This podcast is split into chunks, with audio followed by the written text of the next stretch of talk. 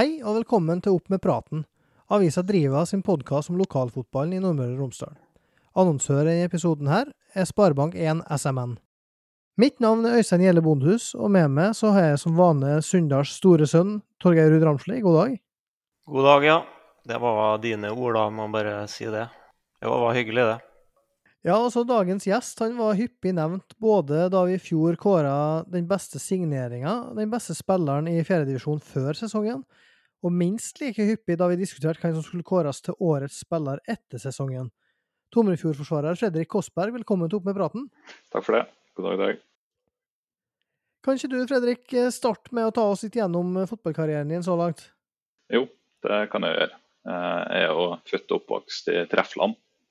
Eh, så spilte der egentlig hele barndomskarrieren, og også da første året av seniorkarrieren min. da. Eh, første året på Treff sitt A-lag var nå vel i 2011 eh, i tredjedivisjon. Da var det jo i Nordmørs og Romsdals Nei, det var vel slått sammen med Sunnmøre på det tidspunktet. Og så rykka vi opp den sesongen der til andredivisjon. Eh, og så var vi andredivisjon fram til 2014, eh, hvor jeg var en del av treff. Eh, og så flytta jeg jo til Trondheim for å studere i høsten 2013, men eh, fortsatte å pendle hjem og spille kamper med treff både i høsten 2013 og 2014. Men i 2015 så fant jeg ut at det var litt for lange bussreiser og litt for mye tid i helgene som gikk bort, så da eh, valgte jeg å gå over til Strindheim. Og I Strindheim så spilte jeg da fra 2015 til og med 2018. Uh, og før jeg da hermetegn la opp og var uten fotball til og med fjorårssesongen, da, hvor jeg da begynte igjen i Tomrefjorden. Ja, hva var det som gjorde at det ikke ble treff med Tomrefjorden eh, da du flytta tilbake igjen? Er vel først og fremst eh, tida. At en ikke strekker til, føler jeg, til å bruke såpass mye tid som eh, andredivisjon krever. Eh, det, jeg har noen kompiser som både trener og spiller treff. og Lysten var jo selvfølgelig egentlig veldig stor eh, til å prøve med det igjen eh, på nivået der eh, når vi flytter hjem. Men eh, det, ja, jeg har jo fått en liten en på hjemmebane og ja, har full jobb, så det hadde blitt vanskelig for min del. da. Så da kom jeg fram til at da var det bedre å finne seg noe lokalt i litt lavere divisjoner som passer bedre for min del. Ja, altså du har jo fått med deg andredivisjonsspill, eh, sier du, altså, både Treff og, og Strindheim. Altså, hva er største forskjellen fra det nivået og til den lokale fjerdedivisjonen som du spiller i nå? Eh, på det tidspunktet så var det jo ikke en så tøff andredivisjonsavdeling som det er nå. da. Nå er det jo spissa enda mer. Det ser jo både på kampene til treffspillet ser jo mye av dem. Eh, og ser at det er noen steg opp, i hvert fall på bunnivået. Så trengte det ikke nødvendigvis å være altfor høyt på alle lag i andredivisjon på det tidspunktet de spilte. i hvert fall. Eh, men eh, det det stort sett går på, er nå gjerne ja, ærgjerrighet og at du blir straffa hardere for feil, og også evnen til å holde ut kamper. da. Det detter gjerne ganske mye kvalitet i fjerdedivisjon siste kvarteret, typisk. da. Du har jo spilt Eliteserien i futsal òg, for Pumas. Hvordan uh, var det? Det var veldig veldig artig. Det, futsal uh, ga meg stor glede uh, oppe i Trondheim. Det mener jeg er noe som du burde fått mer opp og fram i kretsen her òg. For det er noe jeg mener man har det igjen for også som fotballspiller. Da. Det var egentlig en kompisgjeng som jeg kom i kontakt med litt gjennom Strindheimsgjengen, hvor deler av dem var med på det laget. da hvor vi da rykka opp fra førstedivisjon i Trøndelag eh, opp til Eliteserien. Der er det jo relativt seriøst, og det krever jo faktisk ganske mye tid. For man måtte jo reise til både Tromsø, og Bergen og Oslo. Så da var det egentlig full rulle på hele året, og ikke bare på, gjennom fotballsesongen. Da. Men eh, det var en veldig artig erfaring. og det eh, Futsal er jeg veldig glad i gleder meg til det blir romjulsturneringer igjen. Det har jo vært svært mulig nå i koronatida. Jeg tror jo både at det er et uh, avbrekk for, for uh, ja, spillere i, i, bredde og, og lokalfotball å få gjøre noe annet om vinteren. Uh, ikke begynne på at det er bare to uker ferie med, med, akkurat det samme. Da tror oppkjøringa blir veldig lang. Så jeg tror sånn motivasjonsmessig og trivselsmessig og sånn, så, så, er det bra. Og så er det ikke noe tvil om at du får utvikla en del ferdigheter så du tar med deg inn i hva skal jeg si, utefotballen, gressfotballen. Eh, det er jo stor eh, tradisjon for futsal i hva skal jeg si, latinske land, Portugal, Spania, Brasil, Italia og sånn. Og ja, eh, ser jo ferdighetene som kommer på spillere ut fra de landene. Så ja, det går veldig fort, og det, det er mye én mot én, og du, du, må tenke fort. Og, og ja, så er det jo veldig teknisk eh, utviklende. da. Jeg husker jo når jeg var aldersbestemt at det var veldig mye innendørstrening. Jeg hadde jo ikke kommet kunstgressbaner og sånn i, i, samme grad som det, som det, er nå, så vi trente veldig mye inne. Da var det jo ikke futsal, det var jo innendørsfotball med store mål og litt andre regler og sånn. Men mye av fotballen og, og, sånn blir jo den samme. Så jeg mener jo at det er, er veldig utviklende. Og, og, jeg tror faktisk en del eh, lag her lokalt òg kunne utvikla spillerne sine bedre da, hvis de, hvis de har hatt litt, uh, litt innendørsfotball eller litt futsal gjennom vinteren. Det, det, er jeg ganske sikker på. Så det er veldig sånn overførbart til mange deler av utefotballen. Og nå er jo veldig mye kunstgresskamper uh, òg blitt etter hvert. Og ballbehandling og, og alt det her. Det er ingen tvil om at det, jeg tror det kunne vært lurt. Du får det veldig inn i ryggmargen, i hvert fall det der med å Eh, du må følge mannen din og ha ansvar for han. Eh, for sluntrer du, så er det mål imot. Det er jo så enkelt som det. Det er nok mange som hadde hatt godt av eh, den terpinga. Ja, og så, og så, tror jeg norsk fotball er jo sånn tradisjonelt er jo veldig oppbygd sånn rundt hva skal jeg si, soneforsvar og ja, du skal forsvare det sammen og sånn. Men, men, du ser internasjonalt og, og, og, i norsk fotball, både på toppnivå og litt lenger ned, at det er flere lag som, som baserer seg på ferdigheter én mot én. Eh, spiller mann-mann i midtbaneleddet f.eks. Eh, ligger igjen to stoppere mot to angripere. Før skulle alltid være i overtall. Nå er ikke alle som kjører på det. Så jeg tror det er veldig viktig å utvikle én mot én-ferdigheter. Eh, både defensivt og offensivt og så prøve å sette det inn i et system. Så klart, Kan du angripe med flere folk, du tør å ligge igjen to mot to istedenfor tre mot to, fire mot to, så vil det, vil det gi deg en, en, edge og en, en, fordel. Så til bedre spillerne er én mot én begge veier, til bedre blir jo laget òg. Og det får du trent veldig godt i innendørsfotball. Ja, hvis en ser på, på fjorårssesongen, Fredrik, så, så, har jo de en kjempesesong i Tomrefjord der de gikk ubeseira gjennom serien og slapp inn bare åtte mål på elleve kamper. Hvordan opplevde du eh, seriemesterskapet og den uh, opprykkskvalifiseringa de har mot Hødd 2? Nei, det var egentlig en uh, parademarsj fra start til slutt uh, for oss i Tomrefjorden. Det gikk jo ja, gikk jo lang tid før vi på en måte følte at vi hadde en dårlig kamp, egentlig. vi følte vel at vi hadde to dårlige kamper i fjor, og det var de to vi spilte uavgjort. det var mot Misund borte Eh, hvor vi slapp inn her på slutten. Eh, og Det ble 3-3. Og så var det mot Vestnes borte. Så det var kjedelig selvfølgelig at det ble en dårlig kamp. da. Men eh, for det var et lokaloppgjør med bra ramme rundt og mye folk på tribuner. Tog fra Tomrefjorden eller som gikk gjennom sentrum og rundkjøringa her. Så, men utover det så følte vi jo at vi hadde et utrolig bra defensivt fundament egentlig hele veien. I tillegg til at vi har eh, noen på topp der som eh, klarer å skape trøbbel uansett. Eh, og klarer å ja, gjøre sånn at vi får muligheter uansett om vi blir pressa eller ei. Så det Etter vårt syn så var det jo et fortjent seriemesterskap. Og det var ekstra artig å ja, både kunne tukte KBK2 hjemme og ikke minst ta skalpa til Sunndal og Surnadal borte. Det, når man gjør det, så er det jo være en solid sesong, rett og slett. Opprykkskvaliken var nå et borteoppgjør eh, i Ulsteinvik der på ja, en vanna kunstgressbane som er stor. Det er vel eh, bortimot den største banen i fylket, vil jeg tro. Det er vel den av KBK. Sikkert Turnar òg, som er blant de aller største. Eh, så planen der var nok å ligge solide rammer i en 5-4-1 og ja, ta kontringene vi fikk. Fikk jo dessverre skada spissen vår tidlig, en Håvard Taklo, som er tidvis et angrep alene. Så det var jo veldig uheldig den kampen. Uh, I tillegg til at vi var uheldige å slappe inn et mål på dødball like før pause, som også var veldig bittert. For de hadde skåret, eller hadde vel nesten ikke hatt en sjanse før det. Og så putta de tidlig etter pause. Og da ja, gikk jo luften litt ut av oss. da. Og det ble litt tyngre å ta de ekstra løpene. Det er litt lettere å ta dem når det er 0-0 kontra 0-2. Da gikk vi litt mer opp i sprekene, og da ble det 0-4 til slutt. da. Som vi følte sjøl ikke reflekterte ja, prestasjonen fra vår side, da, selv om det var veldig billig mål vi slapp inn. Da.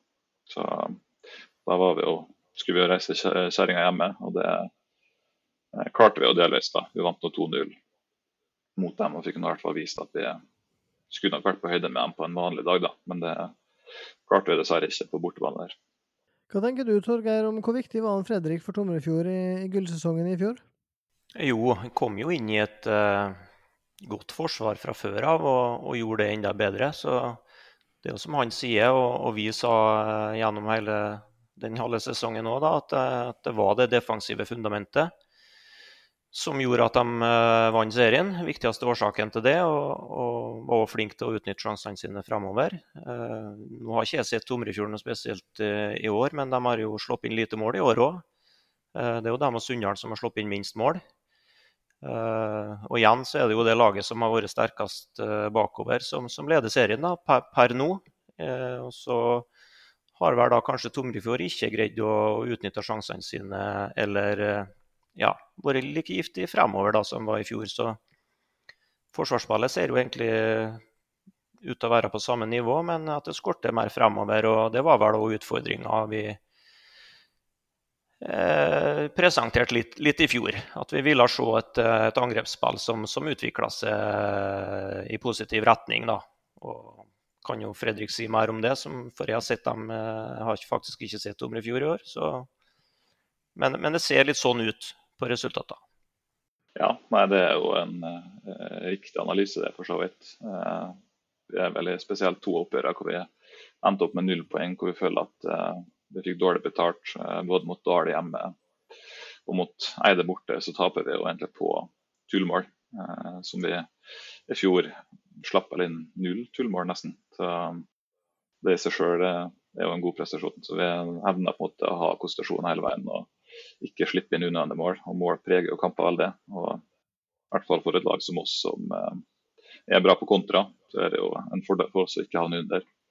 Jeg tror vel i fjor at vi ikke havna under en eneste kamp eh, gjennom sesongen, faktisk. Eh, så ja, mot Eide borte så var det jo uvant for oss at vi på en måte ble tildelt initiativet. De la seg jo bakpå på egen hjemmebane fra start. Eh, og det opplevde vi jo ikke så veldig ofte i fjor. da. Så det er jo, som det har vært nevnt tidligere i podkasten det vanskeligste i fotball ennå. Det å spille ut en lavtliggende motstander og skape muligheter sjøl mot sånne motstandere, det eh, er jo noe man må øve på, rett og slett. Eh, og vi føler at vi er på riktig vei. og ja, Det er jo noe man bare må jobbe med. Så jeg um, tror nok at vi kommer til å se det, at det blir bedre og bedre utover sesongen for vår del. da. Men det defensive er jo fortsatt der, føler vi. da. Altså, Vi slipper inn lite mål. Eh, utenom mot KBK2, selvfølgelig, hvor de stilte et bra lag og sikkert skulle ta igjen litt for fjoråret. Utover det så føler vi at vi har hatt bra kontroll bakover egentlig hele året. Ja, altså du var jo inne på det. altså I fjor så hadde de jo en, en kjempesesong med null tullmål, som du sa, bakover, og, og tapa ikke en eneste kamp. Og så tapa de tre av de fem første i år. altså Hva, hva er litt av grunnen til det, tror du? Eh, nei, det er jo eh, litt eh, Jo, Du kan på en måte ikke gå en hel sesong uten å slippe inn det første målet i seg sjøl. Det er jo utopi. Så det, det måtte jo komme. og så er det det å takle det. da.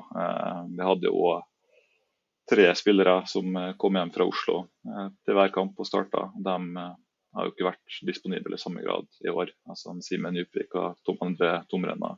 Mats Gorgenes, som er bra spillere alle tre. Det gir oss utslag, selvfølgelig. Eh, men eh, vi på en måte følte jo at vi hadde fått dårlig betalt poengmessig etter de fem første kampene. Eh, og følte jo at det var ganske surt å se på tabellen med tanke på fjoråret som var òg. Så da er det ekstra gledelig at vi har klart å karre sammen fire seire på rad nå. Ja, hva med det i tankene? Hva tror du det her ender til et, eller hva tror du det ender med til slutt? Nei, målet vårt uh, er nå å være oppe i toppen. Uh, naturlig nok etter fjoråret. Uh, og så har vel ikke noe sånn uttalt mål om å vinne, men det, noe, det å være oppe i toppen og ikke minst komme over Varfjell er jo viktig. Eh, så tar vi Sunndal nå til helga, og tar vi Sunndal på hjemmebane etter der, så ser det veldig lovende ut med tanke på høstsesongen. Ja, hvor, hvor, tror du Tomrefjord ender? Torgeir, vi tippa jo på andreplass før sesongen, både jeg og du. Eh, ja, jeg tror ikke de kommer så høyt, da. Eh, jeg tror det er for seint. Men eh, det er noe som Fredrik sier, hvis de får to seire nå, så, så, er de for fullt med. Men eh, det er ikke bare bare eh, å vinne de to kampene. Så ja, de, de sliter mer når de kommer under, og det var nødt til å skje, som Fredrik sier. Men måla, hvor skal de komme fra? Taklo har vel knapt skåra mål i år. Skåra først målet sitt nå i helga?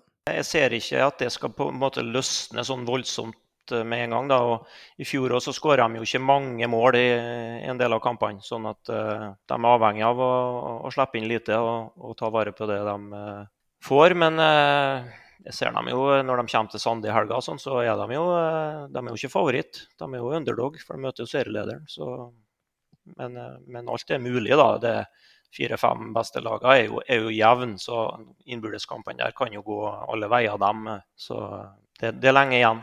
Men, men Tomrefjord er jo i en situasjon der de må vinne hvis de, hvis de skal være med om, om avdelingsseieren. Det er ikke råd til flere feilskjær, for å si det sånn. Hvor viktig er det Fredrik, for dere å få i gang en Håvard Taklo, som skåra mot Malmefjorden nå sist? Han hadde sju på elleve i serien i fjor. Og så årets første nå mot Malmefjorden. Nei, Det er jo selvfølgelig veldig viktig. Det er egentlig det å få i gang alle dem eh, på topp der. At de eh, får til å putte litt. Tommy Kanisha har dessverre vært skada nå de siste tre kampene. Ble skadet mot Misund. Eh, så det har nå vært uheldig for vår del, det. Men han Håvard har vi jo godt bare venta på. Vi vet jo at det bor mye mål i han. Det ser man på trening. Så det er bare håper at det blir en liten catch-up-effekt etter målet i helga nå. For han har kommet til mulighetene, og så har det vært at han ikke har sittet dem. og det er jo så lenge du som spiss kommer til mulighetene, så kommer det til å løsne. Så det, jeg regner med at det blir satt noe, minst én kasse på Sande i helga. I Norges mest personlige mobilbank fra Sparebank1 sorterer vi utgiftene dine for deg, slik at du får full oversikt over forbruket ditt. Last Med full oversikt menes kun økonomien din. Vi tar ikke ansvar for glemte bursdager, morsdager, farsdager, dugnader, foreldremøter, enslige sokker på avveie, forskjellen på høyre og venstre, p-pilleglipp eller pass som er gått ut på dato. Ja, men i hvert fall, last ned Norges mest personlige mobilbank fra Sparebank1 i dag. I den forrige runden i fjerdedivisjon så kan vi ta og starte med det lokaloppgjøret som var på Syltørene. Det var tross alt nummer én mot nummer to på tabellen. og Enten det 3-3 mellom Surnadal og Sunndalen, Torgeir. Du fikk jo en fin dag på nydelige Syltørene. Hvilke eh, tanker gjorde du om den kampen? Jo, det var en kjempefin dag. Det var jo sol hele matchen og meldt regn, men det kom jo aldri. Så det var, det var en fin eh, ettermiddag i Surnadal. Nei, det, det, er litt sånn hva du velger å fokusere på. Nå, nå ble det jo 3-3 og en, en, veldig spennende kamp og, og et fint lokaloppgjør på alle måter. sånn sett. Eh, sånn passe med temperatur, ingenting over, men eh, litt sånn var det jo underveis. Og så er det sånn at uh, Surndalen syns jo kanskje det er surt ikke vinne, for de har, har vel mest sjanser, hvis vi, hvis vi, er ærlige. Men så er det jo at Sunndalen syns det er surt å ikke få alle poengene siden de leder tre ganger. Så det er litt sånn hvem du spør. Uh, totalt sett så syns jo jeg at Surndalen eh, er hakket bedre, hvis jeg, hvis jeg, bare skal vurdere prestasjoner og hva de skaper og antall sjanser og sånn. Uh, men det er litt forventa på hjemmebane òg. Sånn at når Sunndalen kommer dit og tar poeng mot nummer to på tabellen, så er de fornøyd med det. Og hadde jo tatt en uavgjort der før, før kampen. Eh, så Sunndalen har vel mest grunn til å være fornøyd der, selv om eh, Vebjørn sier jo at han er fornøyd når serielederen kommer til Syltørene og, og, at han tar poeng. Eh, det kjøper jo ikke jeg, da, overhodet. Jeg kjenner jo han såpass godt at det ja, på grensa til tullprat. Men Så det, det, er litt hvem du spør og hva du fokuserer på, men, men Sunndal skal være mest fornøyd ut ifra tabellsituasjonen og hvordan kampen var. Så skal de være mest fornøyd med det poenget. Ja, jeg er litt uh, enig i det, det må jeg bare, bare si. Og um, tenker jo det at det er um, en kamp der er litt sånn typisk Sunndalen i år, da. Litt flyt, litt Det har vært noe rødkort, det har vært noe sjølmål, det har vært noe eh, ting som har gått deres vei. Og så eh, det er jo en del av det her vi har snakka om før. De får med seg resultat. De klarer å holde på ledelser stort sett, da, ikke noe i helga. Men, men Surndalen etter hvert får kobla på en Sander Smevold som uh, bortimot herja på sida si ganske lenge uten at han treffer mål den gangen her, da. Hvis han hadde hatt en normal dag foran kassa, så hadde jo han avgjort den kampen her. Jeg mener jo at Surndalen burde jo egentlig klart avgjort den kampen her når de får 2-2 så tidlig i andre omgang. Det er jo 2-1 til pause til Sunndalen. Jeg kan ikke si at jeg trodde det kom til å bli Surndalsseier, da, for jeg huska jo på Sande i fjor òg. Da trodde jeg òg at Surndal kom til å ta det når de fikk utligning, men så stakk Sunndal av med det på slutten. Så, så jeg har sett de kampene her før, for å si det sånn. Men uh, tenker jo det, som du var inne på både nå og forrige gang, Torgeir, at uh, presset var størst for å vinne på Surndalen. Og jeg tror at Surndalen med Det er klart må, det å stille med sitt beste lag, det, det er en utfordring når det er breddefotball, men uh, jeg tror at med fullt mannskap, eh, spesielt uten et par tunge fravær i, i Forsvaret, så, så vinner Surnadal den kampen der. Men eh, jeg er imponert over Sunndalen, som kommer til, til Syltørene og, og, leverer en god kamp, syns jeg. Og de, Lagene kjenner jo hverandre veldig godt og klarer stort sett å demme opp. og jeg, Det som overrasker meg, det er at Surnadal ikke de, de slutta på et tidspunkt å bruke en Sander Smevold ute på sida når kampen står og vipper. Så jeg vet ikke hva du tenker om det, Torgeir? Jo, eh, jeg syns jo Surnadal er veldig god i, i, to perioder. Mot slutten av første og begynnelsen av andre. Eh, siste ti minutter i første og første ti minutter i andre. Og så syns jeg dabbe av. Eh, det var anført av en Sander på, på høyrekanten. og jeg mener Sunndalen blir advart så mange ganger inn mot pause da, at de, de, burde ha gjort grep der i pausen. Men gjør ikke det og blir straffa umiddelbart og kunne ha blitt straffa flere ganger. Men så syns jeg at det er en litt sånn uh, ja, blessing in disguise, da, faktisk, at, han, at en Frikk Talgø kommer på banen igjen. Eh, fordi at eh, da begynner de å bruke begge sidene mye mer. Og de bruker faktisk Frikk mer, mer enn, enn de bruker en Sander. Så det blir litt sånn redninger. At han blir mye mindre involvert enn han var i de gode periodene. Så det presset de hadde første tid av andreomgangen. Det, det dabber av, og kampen jevnes ut. Og, og Sunndal tar igjen ledelsen da. og så Greit, det er tunge fravær i Surndalen, spesielt i backrekka. Eh, men det blir det òg i Sunndalen utover i kampen. Kaptein Eivind Leverik må ut etter en halvtime, og Peter Melkild må ut eh, tidlig i andre omgang. Eh, så de må inn med hva skal jeg si, andrevalg reserver, sånn som gjør at laget i utgangspunktet skal bli svekka. Men jeg ser ikke så mye til det, egentlig merker ikke det. De som kommer inn, gjør en god jobb. Så ja, det var utfordringer for begge lag sånn i forhold til, til laget. Da. Men eh, jeg tror vi er så noenlunde enige. Eh, Surndalen skulle nok bare fortsatt og, og kjørt på den høyresida utover i andre, men, men det slutta de med, med. Så er det jo slik, Torgeir, at uh, Surndalen har jo lyst ut daglig lederstilling. Nå skal du søke på den, eller? Eh, nei, jeg trives veldig godt i min sivile jobb på, på, Hydro, så det har jeg ikke tenkt å gjøre, nei. Eh, dessuten så var det andre Det er vel delt òg der idrettslaget mellom fotball og så er det vel langrenn og alt mulig annet. Jeg kan bare én idrett, så da stopper det seg sjøl. Ja, hvordan var den 2-1-kampen dere mot Malmefjorden, Fredrik? Nei, det var jo litt som venta. Eh, at vi kom til å få ha ballen og prøve å brodere oss gjennom. Og det sleit vi jo med å få hull på byllen. Eh, prøvde, jeg husker ikke helt når vi putta det første ballet, da. men eh, i hvert fall inntil vi fikk 2-0, så lever vi på en måte kampen. Eh, selv om vi føler vi har veldig god kontroll og dermed egentlig skaper ja, fint litt, i hvert fall. Så når vi får 2-0, så jeg føler jeg at kampen blir litt drept og at vi har bra kontroll. Det er jo egentlig ja, Spørsmålet var egentlig hvor mange mål vi skulle skåre, følte vi. da. Det var ganske mange muligheter som ble brent. Eh, og Så skjer det som ofte skjer når du da ikke skårer sjøl, at du får et eller annet tullmål imot. Eh, som det kom eller 89, eller hva det var. Og Da lever plutselig kampen på overtid der. Og De hadde vel en situasjon hvor de følte seg snytt for straffe. Hvor vi selv, selvfølgelig var fornøyd med at det ikke ble. Eh, og Da kunne det jo utrolig nok kanskje blitt 2-2 eh, i en kamp hvor vi følte at ja, det, det her hadde vi full kontroll på. Så det er jo evnen til å drepe kamper som vi kanskje ikke helt har funnet foreløpig i år, men den skal vi jo klare å grave fram. Ja, og ellers i, i runden så slo jo Dale Vestnes 3-2. Eide vant 3-2 mot Misund. KBK2 vant Bydarby mot KFK CFK 8-1. Og så vant Treff 2 rundens siste kamp 2-0 mot Åndalsnes. Det betyr det, Torgeir, at du fikk 100% rett på tippinga di. Du antok bare hjemmeseiere med unntak av på Syltørene. Og nå skal vi se om vi treffer like godt i, i runde ti. For der eh, er det jo da Sunndal Tomrefjord. Den har vi vært eh, innom. Hva, hva forventer du der? Jeg er litt spent på hvilket lag Sunndal kommer med nå. Om de to kaptein og visekaptein, om, om, de er på banen. Det tror jeg de trenger. jeg forventer en jevn kamp. jeg gjør det, altså.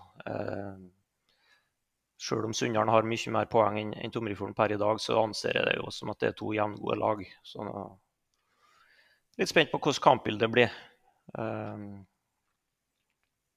Hvis eh, Tomrefjord må på en måte opp og skåre mål, og sånn, så tror jeg at det er til fordel for Sunndalen. Hvis, hvis, de får ligge kontra. Eh, det tror jeg. Så. Men eh, Sunndalen må finne seg å være favoritt. De leder serien, har ikke tapt ennå og møter et lag med ganske mye færre poeng enn seg sjøl. Så da er det naturlig at serielederen får være favoritt på hjemmebane. Vi spilte jo på en relativt laber Sandestadion i fjor, hvor det var mye nedbør, som også prega kampen, selvfølgelig har hørt rykter om at han ikke har vært helt bra i år heller. Han eh, har vel også spilt på kunstgress ute i Sunndalen, har ikke det? Så jeg er litt spent på om banen kommer til å sette pre på kampen eh, sånn sett. da.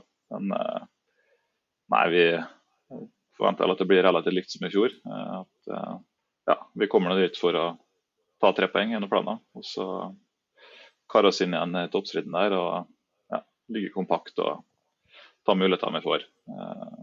Det blir nok en artig kamp. Ja, og forrige uke ble det klart at eh, Malmefjorden ble tildelt tre poeng hjemme mot KFK CFK etter at KFK prøvde å få utsatt kampen pga. koronautbruddet i troppen sin.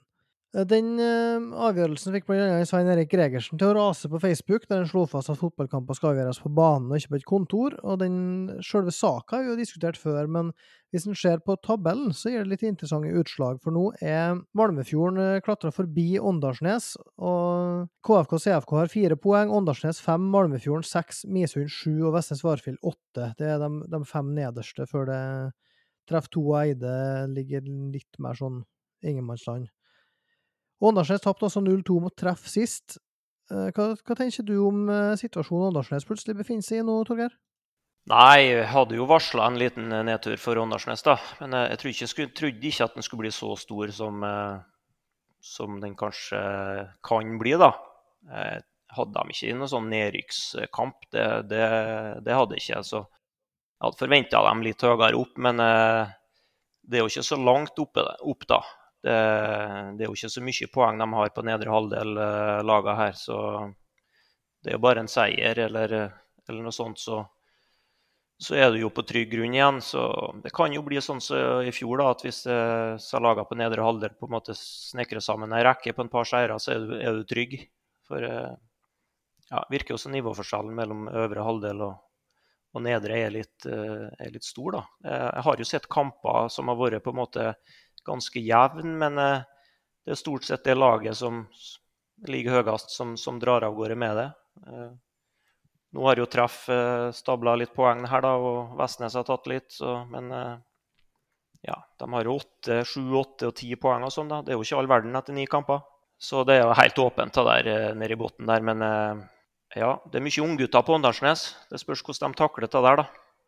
Å ligge så nedi. Nå må de begynne å, begynne å vinne. Så ja, frykter litt for dem.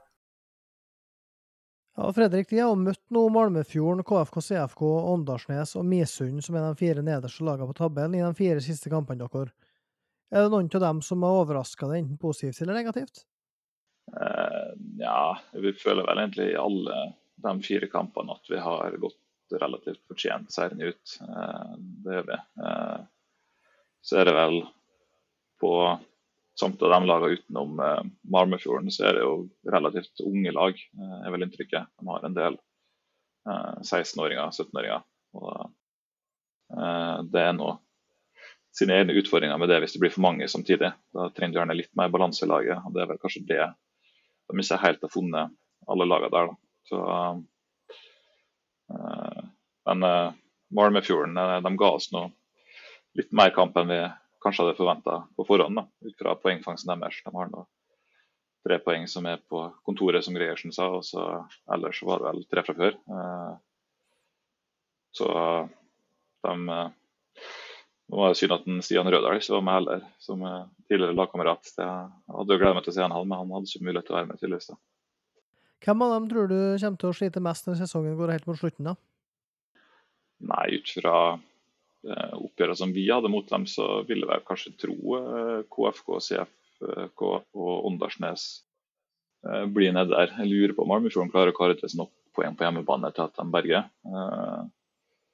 Jeg har aldri spilt der personlig heller, så jeg gleder meg til å prøve den eh, velkjente banen her i lokalfotballen. Eh, Mise nå tror jeg Eh, kommer til å berge. De eh, har en del bra spillere og de eh, har lang fartstid i Cardiff. Så det tror jeg de kommer til å karre seg opp. Og så får vi se med de to nederst der. Da. Det er noe, de er avhengig av å begynne å plukke poeng på hjemmebane, først og fremst, begge lagene. Det har vi ikke klart så langt. Jeg er ikke helt ståa på innbyrdes oppgjør mellom dem, om de har noen mot hverandre før ferien. Men det kan jo bli viktig eventuelt karre til seg poeng i dem, i hvert fall. da.